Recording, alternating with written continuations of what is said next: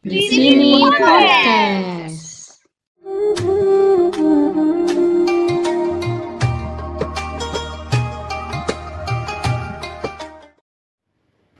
Halo, assalamualaikum semuanya. Selamat datang di di sini podcast. Hari ini saya, saya tahu aku ya enaknya. Aku hari ini aku akan menceritakan tentang Nabi Idris. Seperti yang kalian teman-teman tahu, di sini podcast kan punya program nih di bulan Ramadan ini mau membuat mau sharing lah selama setiap hari bakal ada edisi-edisi cerita tentang para nabi dan rasul. Jadi hari ini aku ingin menceritakan tentang Nabi Idris alaihissalam. Seba- uh, nanti tolong ini ini ceritanya yang apa yang sudah aku baca-baca ya. Soalnya kan seperti yang kita tahu lah Nabi Idris tuh nggak terlalu banyak ceritanya. Uh, tapi mungkin teman-teman yang lain ada yang lebih tahu tentang Nabi Idris alaihissalam selain selebihnya ya selain yang aku bakal ceritakan ini. Jadi pertama-tama uh, seperti yang kita ketahui Nabi Idris ini adalah Nabi kedua setelah Nabi Adam ya kan nah lalu Nabi Idris ini adalah keturunan dari Nabi Adam. Jadi eh, Nabi Idris ini anak dari eh, anak dari anak dari Kobil dan siapa ya? Lupa deh. Anak dari eh, Kobil dan Iklimah. Nah, di sini sa saya aku atau akan menceritakan tentang perjalanan Nabi Idris. Seperti yang mungkin teman-teman pernah dengar juga sih. Nabi Idris itu kan uh, kan Nabi Idris itu nggak terlalu banyak ceritanya. Jadi yang seperti kita ketahui aja kisah Nabi Idris ini uh, paling di sini saya akan menceritakan tentang kemuliaan-kemuliaan Nabi Idris. Nabi Idris alaihissalam ini merupakan nabi kedua dalam daftar dari 25 nabi yang kita ketahui ya. Nah, setelah itu Nabi Idris ini diketahui ya diketahui sebagai uh, orang eh bukan orang.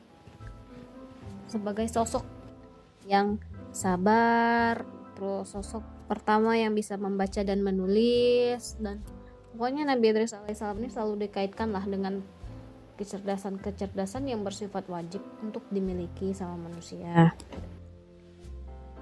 Lalu uh, dalam surat Maryam ayat 57 disebutkan bahwa Nabi Idris alaihissalam ini mempunyai martabat yang tinggi yang artinya ia juga memiliki derajat yang sangat tinggi selain sebagai seorang nabi yang soleh. Nah, akhirnya Allah menempatkan Nabi Idris alaihissalam ke dalam golongan tersebut. Untuk memiliki ke derajat tinggi seperti Nabi Idris alaihissalam, ada tiga kunci yang bisa kita lakukan, yaitu keimanan kepada Allah, berhijrah dengan meninggalkan segala bentuk hal yang dilarang, serta berjihad dalam arti bersungguh-sungguh ketaatan kepadanya. Nah, lalu kisah Nabi Idris yang pernah yang seperti kita ketahui ini yaitu Nabi Idris ini diutus di tengah-tengah kaum yang menyembah berhala. Uh, Nabi Idris ini tidak bosan-bosan mengingatkan kaumnya agar menyembah Allah. Namun hanya segelintir orang yang menerima uh, apa namanya dakwahnya, petuahnya. Gitu. Nabi Idris ini bergelar Asadul As'ad, singanya singa, karena keberanian beliau. Berbagai ancaman dan cemoohan dari para uh, kaum pengikutnya itu daripada kaum para kaumnya itu yang tidak membuat nyali beliau itu ciut. Nah, dan sifat terpuji dari Nabi Idris ini yaitu berhati lembut. Namun, walaupun beliau berhati lembut, Nabi Idris akan bersikap tegas terhadap orang-orang zalim. Beliau tidak takut pada kematian sekalipun dalam peperangan. Nah, pada suatu hari malaikat Israel bertamu ke rumah Nabi Idris. Selama empat hari malaikat Israel tetap bersama beliau. Lalu Nabi Idris itu bertanya sama malaikat Israel bagaimana engkau menjalankan tugasmu jika engkau tetap bersamaku? Terus malaikat Israel menjawab Allah menjadikan jiwa-jiwa manusia seperti di dalam sebuah tempayan bagiku. Sangat mudah bagiku mencabut nyawa mereka meski aku bersamamu, kata malaikat Israel. Lalu tiba-tiba Nabi, Nabi Nabi Idris berpikir untuk meminta sesuatu kepada Nabi Israel nih. Nah, terus Nabi Idris ini kan karena pintar gitu kan. Jadi dia tuh pengen tahu sakaratul maut itu seperti apa. Jadi akhirnya dia mencoba meminta sama malaikat Israel dia bilang saya pengen tahu rasanya sakaratul maut. Cabutlah nyawaku kata dia begitu kata beliau. Terus eh, atas izin Allah malaikat Israel mengabulkan permintaan untuk mencabut nyawa Nabi Idris lalu Allah menghidupkannya kembali. Lalu setelah itu malaikat Israel bertanya bagaimana rasanya ketika nyawamu cabut lalu Nabi Israel menjawab Rasanya sakit sekali, kulitku terasa seperti terkelupas dari daging. Terus malaikat Israel berkata, Padahal aku melakukannya dengan lembut karena engkau orang yang soleh. Orang-orang zalim akan merasakan sakit yang lebih dahsyat lagi daripada ini. Lalu setelah setelah merasakan sakaratul maut, Nabi Idris pun ingin mengetahui bagaimana sih neraka itu. Aku ingin melihatnya, kata Nabi Idris. Terus atas izin Allah lagi, malaikat Israel akhirnya mengabulkan permintaan Nabi Idris. Sesampainya di neraka, Nabi Idris ini pingsan karena beliau merasa ngeri melihat malaikat Malik dengan wajah seram menyeret manusia ke dalam neraka. Terus beliau juga merasa miris melihat api yang berkobar-kobar, batu-batu panas membara, air mendidih, binatang-binatang berbisa, dan semua yang disiapkan Allah untuk menghukum orang-orang berdosa. Nah, setelah uh, Nabi Idris keluar dari neraka dia meminta sama sama malaikat Israel tolong bawa aku ke neraka eh ke surga kata dia. Aku ingin melihatnya. Nah, terus atas izin Allah lagi malaikat Israel akhirnya mengabulkannya. Sesampainya di surga Nabi Idris kembali pingsan. Tetapi bukan pingsan karena ngeri tapi karena takjub akan keindahan surga. Taman-taman bunga menghiasi surga, sungai madu, susu, dan arak mengalir di mana-mana. Pohon-pohon hijau dan teduh membuat suasana sejuk serta istana-istana gemerlapan yang dipersiapkan Allah untuk para penghuninya. Lalu Nabi Idris berkata, alangkah bahagianya penduduk surga. Nah, lalu setelah itu malaikat Israel berkata uh, kepada Nabi Idris bahwa waktunya sudah habis untuk melihat surga. Jadi uh, malaikat Israel mengajak Nabi Idris untuk keluar dari surga.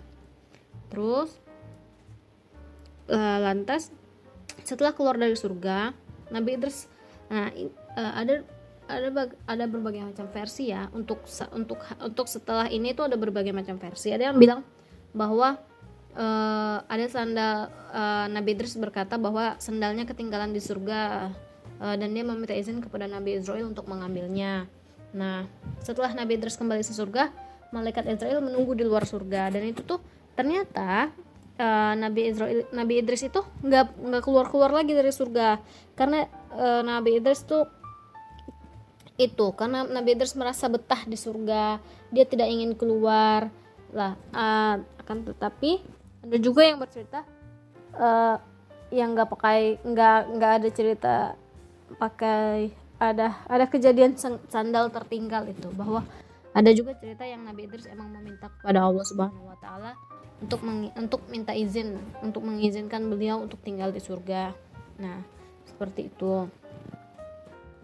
Seben, sangat sebenarnya sangat sedikit sekali ya cerita tentang Nabi Nabi Isra Nabi Idris ini gitu.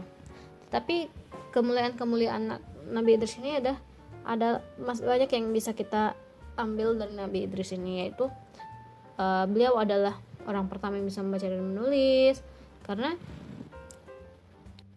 Selain mampu membaca serta menulis, beliau juga diakui sebagai seorang nabi yang sangat rajin dan gemar pula dalam belajar. Hmm, lantaran karena beliau cukup aktif dalam mempelajari beberapa hal dan secara konsisten melakukannya. Nah, setelah itu kemuliaan yang selanjutnya yaitu berpengetahuan. Nabi Idris alaihissalam ini mempunyai banyak pengetahuan, di antaranya adalah tata cara merawat kuda, faham tentang ilmu falak, serta pandai berhitung. Bahkan uh, ada jurnal dengan judul Nabi Idris dalam perspektif kitab-kitab suci agama dan ketokohannya dalam kajian ilmu falak yang dibuat oleh Novi Arizatul Mufidoh disimpulkan jika Nabi Idris alaihissalam adalah termasuk dalam salah satu seorang, salah seorang penggagas salah satu ilmu tertua di dunia yaitu ilmu falak.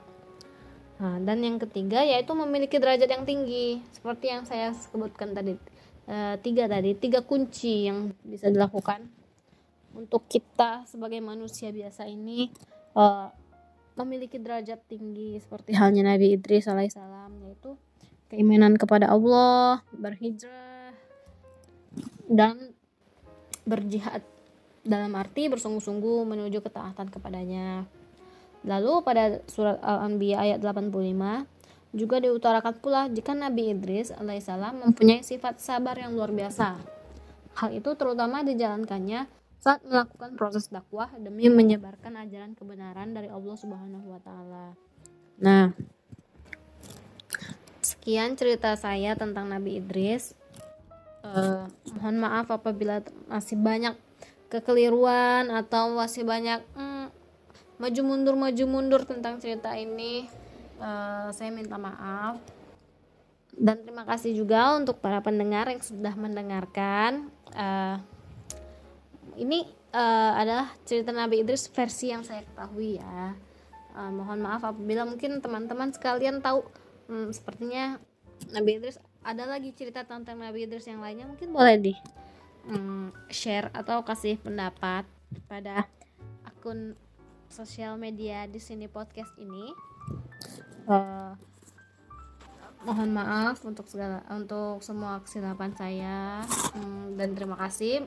Uh, semoga teman-teman semua ibadah puasanya lancar uh, dan menerima keberkahan di bulan puasa yang di bulan puasa ini ya teman-teman semua. Terima kasih untuk untuk mendengarkan. Assalamualaikum warahmatullahi wabarakatuh. See you.